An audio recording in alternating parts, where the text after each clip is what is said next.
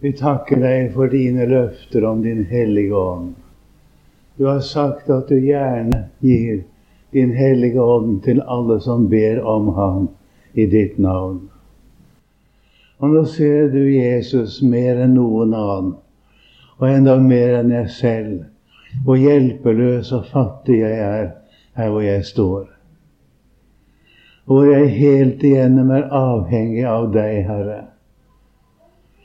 Vi ber om å få høre din røst og kjenne den igjen. Og at du vil tale inn i vårt hjertes innerste. Det er bare du, Jesus, som kan gjøre dette. Og så ber vi om det i ditt eget navn, for blodets skyld, Jesus.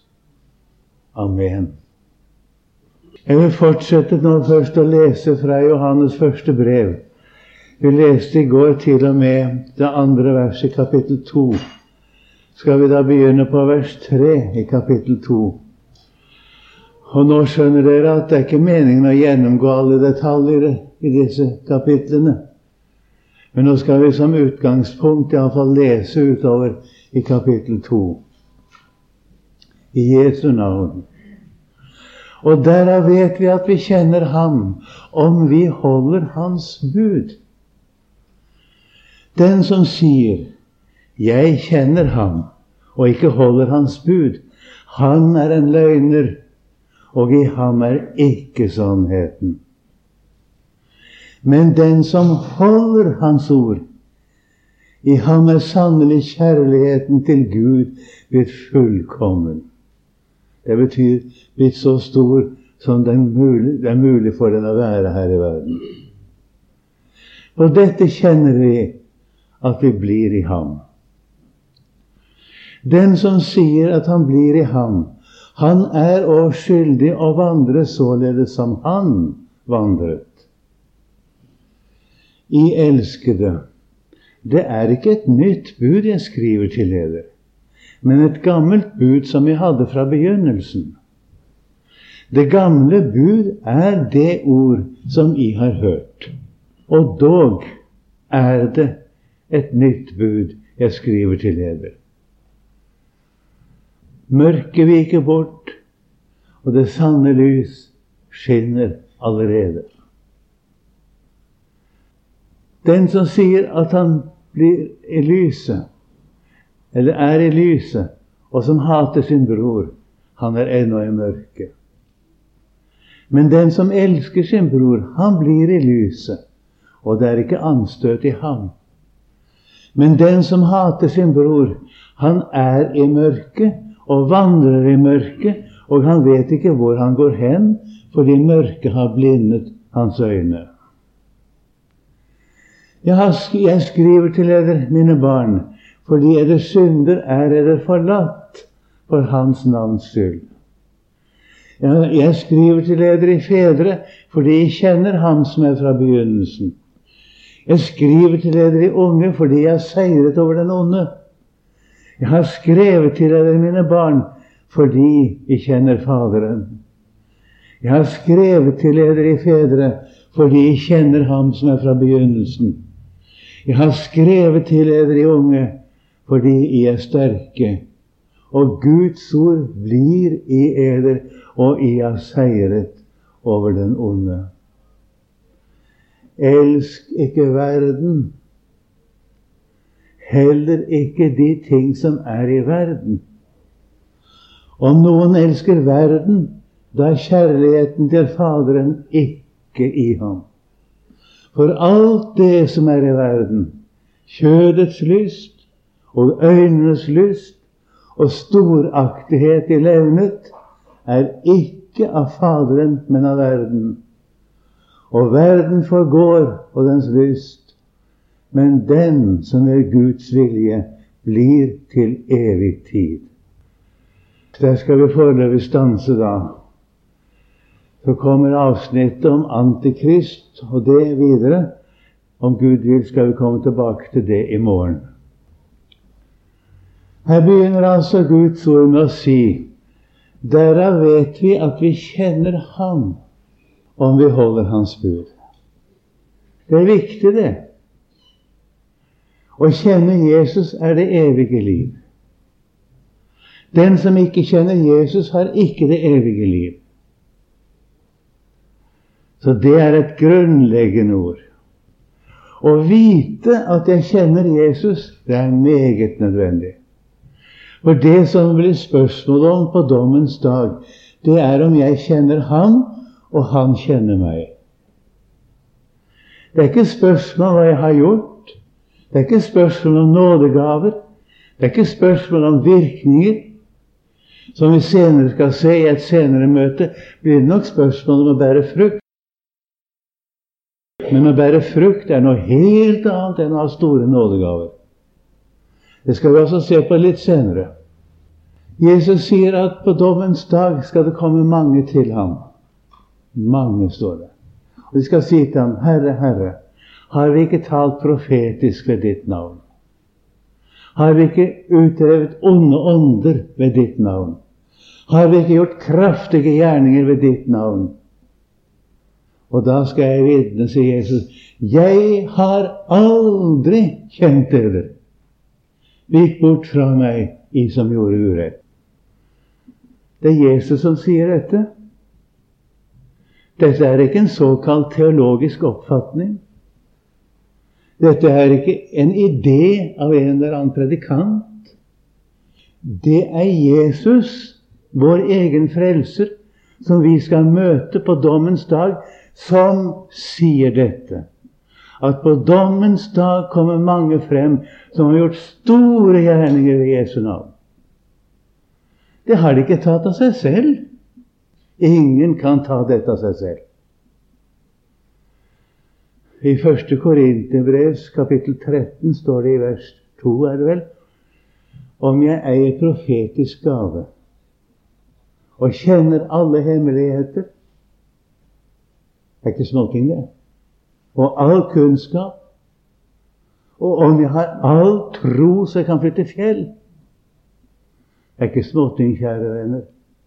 Og ingen tar dette av seg selv. Det er gitt av Guds ånd. Men om jeg har alt dette, men ikke har kjærlighet, da er jeg intet.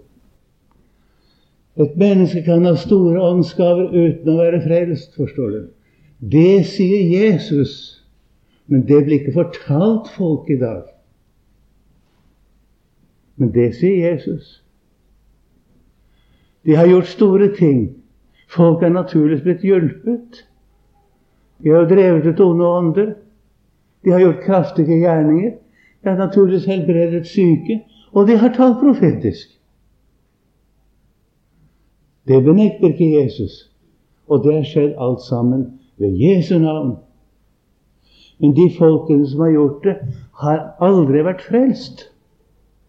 Og Jesus sier, 'Jeg har aldri kjent dere.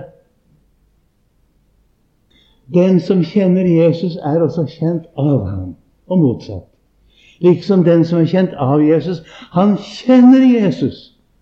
Han vet at han kjenner Jesus. Du skjønner, vi står overfor noe som er veldig grunnleggende nå. I dag snakker folk om resultater, om åndsgaver, om nådegaver, om store gjerninger. Ja, godt og vel. Det skjer slike ting i dag. Og Guds ånd virker slike ting i dag. Men det er ingen garanti for at jeg blir frelst. Det er bare det. Og du vet, ja, du kan ikke vite hvor alvorlig dette har vært for meg i livet. Hvordan Herren har talt til meg om disse ting.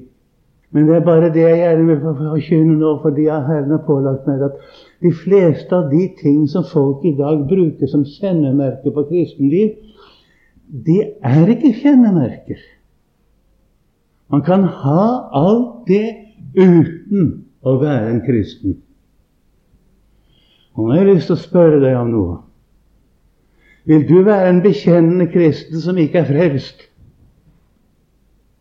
Om du nå har mange nådegaver, og om når Gud bruker deg endog til store ting, er det nok for deg?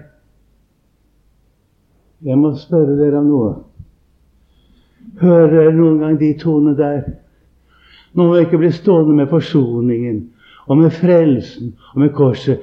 Vi må komme et skritt videre.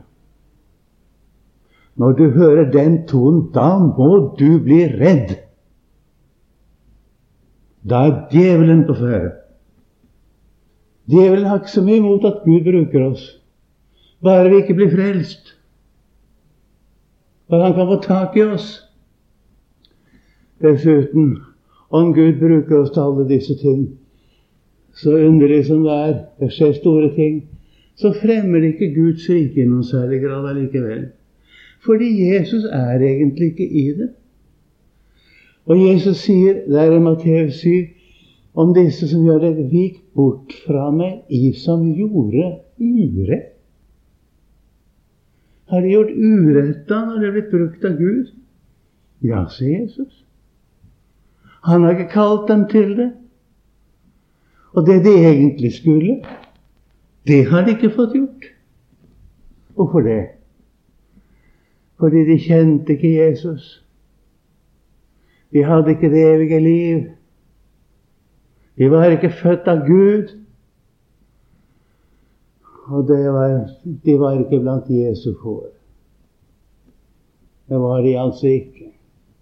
De var ikke blant dem som Jesus sier det om, f.eks. Johannes 10. Mine får hører min røst. Den var ikke blant. De hører min røst. De følger meg, og jeg gir dem evig liv. Jeg kjenner dem, og de kjenner meg. Mine får, de kjenner meg, og jeg kjenner dem. Dette hadde de ikke. Kjære venner. Det er ikke lett å tale nå på meg. Men jeg må jo spørre deg hvem er det du vil tilhøre? Hva hjelp er det om vi blir ansette? Om vi blir regnet med her i verden? Om vi blir sett opp til, men ikke hører Jesus til? Derfor kommer dette enkle 1. Johannes brev. Vi talte i går om at Sannheten er i Guds ord. Og det er Guds ord som er inni oss. Ellers er ikke sannheten der. Så kommer han og sier Derav, og dette vet vi, at vi kjenner Ham, om vi holder Hans bud. Hvis vi ikke holder Hans bud, så kjenner vi Ham ikke. Og hvis noen sier det at 'jo, jeg kjenner ham', men ikke holder hans bud, så er han en løgner, sier Gud. Jeg må da tro Guds ord. Og hør videre og sannheten er ikke i ham. Og da er det ikke rart vi venter oss. Det hadde ikke vært noen sak hvis sannheten hadde vært i alle dem som bekjenner seg som kristne.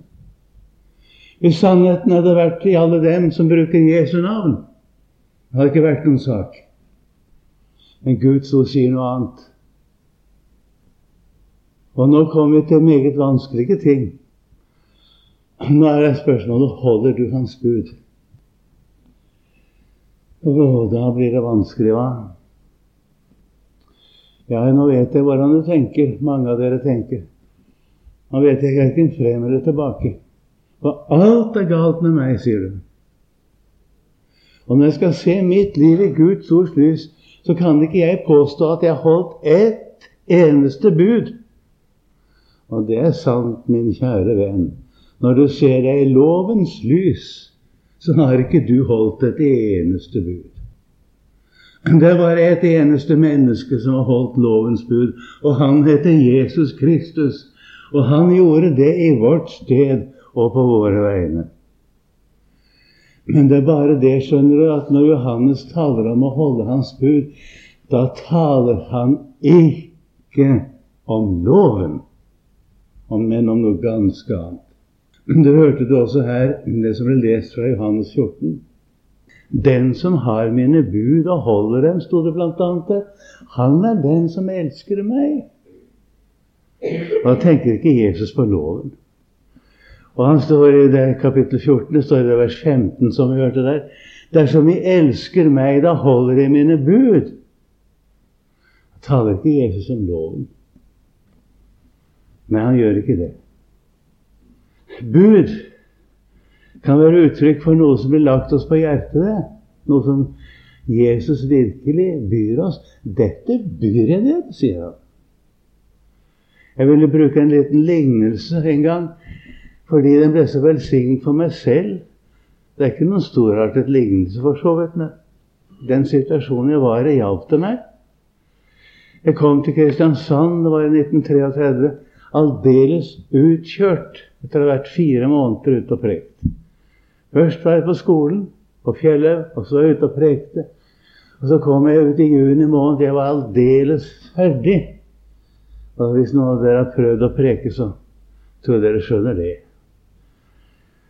Så skulle jeg ha en møteuke i Kristiansand.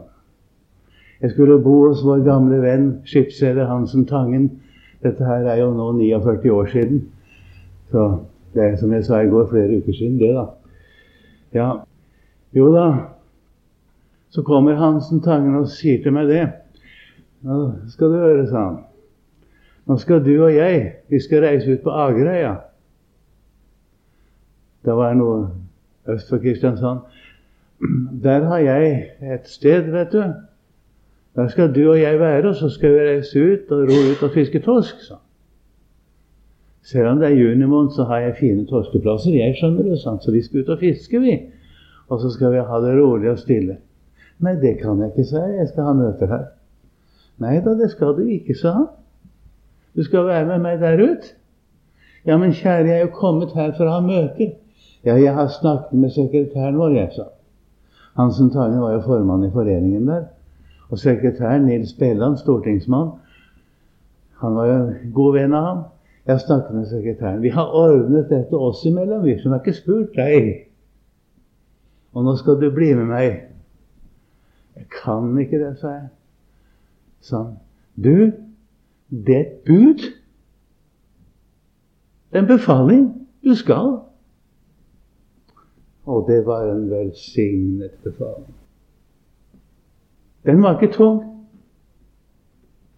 Vi skal litt komme tilbake til også en annen sammenheng senere her i Johannes første brev, hvor det står nemlig kapittel 5. Hvis du vil vite om du elsker brødrene, så kan du ikke kjenne etter hva du føler overfor andre kristne. Dine følelser tenker kan være så som så, både overfor en og annen. Men du skal få et kjennetegn som forteller deg om du elsker brødrene. Og det lyder slik, og det står i kapittel 5 og i vers 2. På dette kjenner vi at vi elsker brødrene, om vi elsker Gud og holder Hans budstopp. For dette er kjærligheten til Gud, at vi holder Hans bud.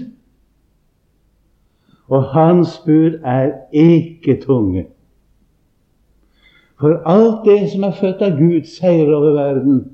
Og dette er den seier som har seiret over verden vår tro. Begynner du å ane noe? Og dette kjenner vi, at vi elsker ham om vi holder hans bud. Og så står det med rene ord i slutten av kapittel 3. Dette er hans bud. At vi skal tro på Hans Sønns Jesu Kristi navn og elske hverandre således som Han bør oss. Det er et bud, er det. Det er ikke loven. Det er det som Jesus sier. 'Jeg er kommet, kjære deg.' Og nå siterer hans egne ord, så siterer jeg fra Johannes 6. 'Jeg er kommet ned fra himmelen', sier han. Jeg er kommet ned fra himmelen. Ikke for å gjøre min vilje, men for å gjøre Hans vilje som har sendt meg. Og dette er Hans vilje som har sendt meg, at jeg ikke skal miste noe av alt det Han har gitt meg, men oppreise på den ytterste dag. For dette er min Faders vilje, at hver den som ser Sønnen og tror på Ham, skal ha evig liv, og at jeg skal oppreise ham på den ytterste dag. Guds vilje du er at du skal tro på Jesus. Guds vilje er at du tar imot Jesu Kristi forsoningsnåde. Og for igjen å sitere fra Johannes 6.: Den som eter mitt kjød og drikker mitt blod, han har evig liv, og jeg skal oppreise ham på den ytterste dag. Det står i kapittel 6 og vers 54, hvis du har det nøyaktig. Og ete hans blod, drikke han, ete hans kjød, drikke hans blod Da taler han ikke om nadværen, selv om du godt kan anvende dette på nadværen. forstår du. Det kan du godt gjøre. Men det er ikke nadværen Jesus taler om i Johannes 6, men den personlige tilegnelse av ham selv. Dersom ikke eter menneskesønnens kjød og drikker hans blod, så har ikke liv i det, sier han. Og det liv jeg vil gi for hver, det det lir jeg gi for verdens liv altså Det er mitt kjød, sier han, som jeg vil gi for verdens liv. Det er Jesu Kristi forsoning. Han har gitt seg selv i døden for dine og mine synder. Å gjøre Hans vilje er å tro på Ham. Og i vers 47 sier han det, Johannes 6 fremdeles. Sannelig, Sannelig, sier eder, den som tror, har evig liv. Hører du det? Luther la så veldig vekt på det. Den som tror, har. Det som du tror på, det har du. Det er ditt. Du eier det. Dette er hans bud. Og så skal vi elske hverandre, så det som han bød oss. Det er en velsignet ting å få lov å elske de kristne. Og det er en velsignet ting å få lov å bruke kjærligheten overfor sine medmennesker. Jeg vil om Gud gir nåde til å fortelle mer om det på søndag, da, for da ligger teksten an for det. Men bare tenk på en sånn ting. Om et menneske gjør deg urett, eller en kristen gjør deg urett, har du oppdaget hvilken velsignelse det er å be for en kristen og si Kjære Jesus, ikke tilregn ham den uretten. Ikke tilregn ham den. Tilregn ham deg selv. Og det er, dette å bruke kjærligheten, forstår du, det er en sånn en gave fra Gud. Dette er hans bud. Det er ikke krav, det er gave. Det budet går ut på, er at vi skal ta i bruk og gjøre nytte av Guds gave, Guds usigelige gave, som heter Jesus Kristus, han personlig. Man snakker meget mer om at Gud skal gi oss i dag, enn den gaven Han har gitt oss. Gaven er jo Jesus. Og vi blir ikke ferdige med dette, kjære venner. Hva synger de frelste salige om i himmelen? Det viktigste av alt er det de frelste salige i himmelen synger om, for de har nådd målet. Og der står midt imellom dem et lam like som slaktet, står det. Og så synger de 'Ære være Gud', som kjøpt ære være lammet, ære være lammet som kjøpte oss til Gud med sitt blod. Det er den nye sangen, sier Bibelen. I salmen før ble sitert her i går, var det vel? Han, nei, det var ikke her. Det var et annet sted. hørte det. Han la i min munn en ny sang. Han la i min munn en ny sang. Og denne nye sangen, den er veldig viktig i Guds ord. For uten den nye sangen kom ikke inn i himmelen. Og den nye sangen er sangen om landet. Og hvis ikke den er det viktigste for oss her, så er den heller ikke siden. Hundre dages for deg. Derav vet vi at vi kjenner Ham, og vi holder Hans bud. Hvem det nå er her, jeg kjenner dere, mange av dere. Mer eller mindre, kanskje. Det er nå det samme, det. Spørsmålet er jo om Jesus kjenner oss. Men hvem dere nå er, kjære venner, er det Jesus du stoler på? Er det Jesus som er livet ditt? Eller er det hans gaver? To forskjellige ting, det. Herren har gitt meg gaver, jeg skal ikke nekte for det. Men hva betyr det? Det er Jesus selv som er mitt liv. Det er hans soning for mine synder som har frelst meg. Og derav vet jeg at jeg kjenner ham. For dette, dette har jeg tatt imot. Det har forandret hele min tilværelse. Da jeg var ung, var jeg meget religiøs, og jeg var meget ivrig. Og du verden. Og jeg var sånn som drev på med alt mulig da, vet, av slags virksomheter. Jeg var sekretær i en kristelig ungdomsforening tilsluttet Norges kristelige ungdomsforbund. Og det manglet ikke på aktivitet, nei. Herren frelste meg fra alt sammen. Og Herren frelste meg fra min religiøsitet, heldigvis. Jeg ble litt paff her om dagen. Det vet Åge Samuelsen jeg kan jo si litt av hvert om han. Jeg er ikke noen tilhenger av ham, altså det er jeg på ikke noen måte. Men han ble spurt i fjernsynet Den et eller annet av disse her programmene. Plakaten heter det visst. Så sier intervjueren de som er så dypt religiøse, hvordan kan de være med på så mange ting? Så svarte han jeg? Religiøs? Å nei! Å nei da, jeg, ikke, jeg har aldri vært religiøs. Men jeg er frelst, sånn. Ja, ja, det var interessant, det svaret. Du vil ikke si mer om han, jeg. Verken for eller imot. Jeg kjenner ham ikke. Herren vet om han kjenner ham. Men religiøsitet ganger ingenting. All vår søken og streben og beden og jammer og og for ikke å snakke om alle våre programmer og oppgaver og vi skal utrette og planer betyr ingenting, venner. Men det betyr noe at jeg er frelst, at jeg har evig liv. Og så begynner dette liv å ta meg i bruk, da, vet du. Og så bruker Jesus oss. Og han kommer til å bruke deg mye mer enn du aner. Derav vet vi at vi kjenner ham, og vi holder hans bud. Og så står det et ord Der er 5, da. William. Må være det. Eh, den som, den som holder Hans ord, står det. Der har du det samme igjen. Den som holder Hans ord. Det står i Johannes 14, som vi hørte her til å begynne med. Dersom de elsker meg, da holder de mine ord. Du vet hvordan det er med ord. Vi har jo noe som heter kjærlighetsbrev. Og noen av dere er i den alder av de brev spiller nokså stor rolle, tenker jeg. Dere unge. Hva betyr et kjærlighetsbrev? Du er glad for det brevet på grunn av at du elsker den personen som har skrevet, ikke sant?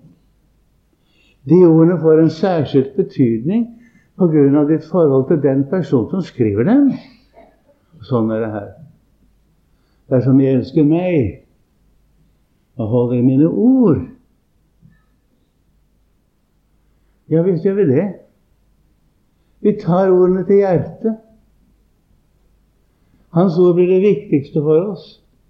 Og så står det at dersom den som holder Hans ord I ham er sannelig kjærligheten til Gud blitt fullkommen, står det.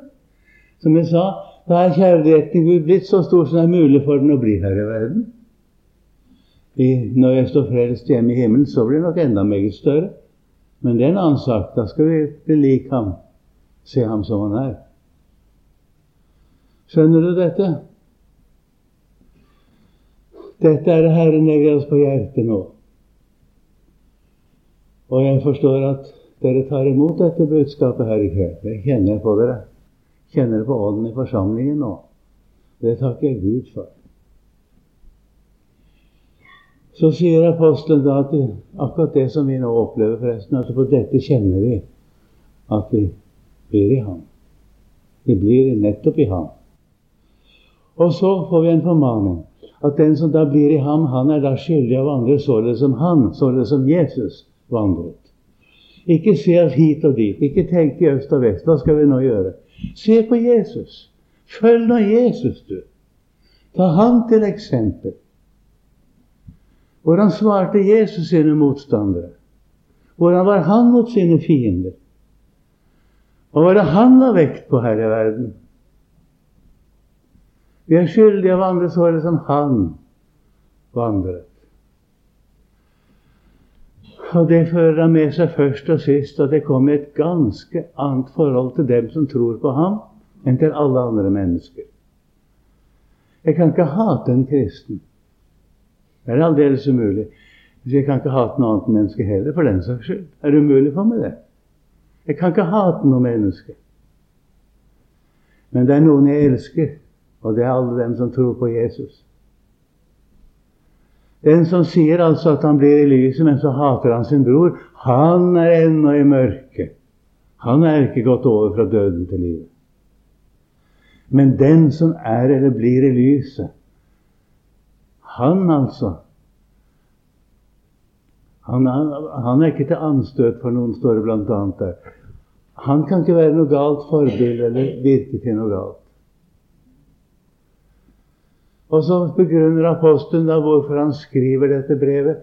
Han nevner både fedrene og de unge, uten at jeg nå skal ta tid til å gå inn på det i detalj. Jeg vet ikke om jeg akkurat skjønner alle tingene i detalj heller. og Det samme gjør det. Men jeg vil nevne det første. Det er vers 12 der. Jeg skriver til eder, mine barn, fordi du synder er eder forlatt for Hans navns skyld. Jeg vil gjerne si deg det at du som tror på Jesus, du har syndenes forlatelse. Du skal ikke bli krevet til regnskap på dommens dag. Det sier Gud så meget klart. For Hans navns skyld, ikke av noen annen grunn. Ikke fordi du og jeg skulle ha fortjent noe, men for Hans navns skyld er våre synder oss forlatt. Og det er typisk for dette Johannes første brev. Det er egentlig skrevet til dem som har fått syndenes forlatelse. Takk, Jesus, for syndenes forlatelse. Tro på den, regne den. Og så går jeg til vers 15. Elsk ikke verden, står det. Heller ikke de ting som er i verden. Om noen elsker verden, da er kjærligheten til Faderen ikke i ham. For alt det som er i verden, det er farlig, det, skjønner du. Altså kjødets lyst, dvs. Si det som det gamle mennesket i meg har lyst til. Og det er så mangt. Det er farlig. Og øynenes lyst, du vet at menneskene de vil så mange ting, og de har lyst til så mange ting. Og smitter over på oss som er kristne. Det er farlig. Og så denne storaktighet i levnet er det som vi kaller en høy levestandard. Det å stadig tjene mer penger og være innstilt på at alltid skal inntekten øke, og alltid skal jeg ha mer, og alltid skal jeg ha det sånn at jeg kan gjøre slik som jeg har lyst til. Det er farlig, kjære venner. Den innstillingen. Elsk ikke verden. Det mektigste vitnesbyrd for hedningene i de tre første århundrene. Vet du hva det var? Det var de kristnes liv. Jeg skal nevne et par ting. En av de ting som gjorde størst inntrykk på hedningene, var at de kristne tålte ikke at barn ble drept i mors liv det som kalles abort i dag. Det er jo barnedrap. Det er Guds ords betegnelse, det, altså. Slik ser Gud på det. Og Jeg kunne ikke skjønne at de kristne de ville ikke drepe barn i mors liv. De fikk mange barn, stor forsørgelsesbyrde, hadde liten råd. Men drepe barn i mors liv? Nei. Videre kunne ikke de første kristne skjønne at de kristne hevnet seg ikke. Når det ble gjort urett mot dem, så tok de ikke igjen. Og de led heller urett enn å gjøre urett. Og det ble kjent blant hedningene at de kristne, det er merkelige folk, de var mer redd for å gjøre urett enn å lide urett. Er det slik i dag? Verden er farlig. Vi lever i fiendeland ennå. Og verden forgår, og dens lyst. Men så kommer det igjen til slutt her i vers 17. Men den som gjør Guds vilje, og da er vi tilbake igjen med det. Den som tror på Jesus, den som blir i Jesus, de som elsker hverandre slik som Jesus har lagt seg på hjertet, den som gjør Guds vilje, blir til evig tid. Ja, kjære venner, det var Herrens ord i dag. Vi takker deg, Jesus. Vi merker at du er hos oss. Og din tale, den anklager og dømmer oss, og den frigjør oss også. Jeg takker deg, Herre. Så ber jeg at du vil fortsette å fullføre din gjerning i våre hjerter. At du også kanskje kunne bruke oss overfor andre mennesker. Amen.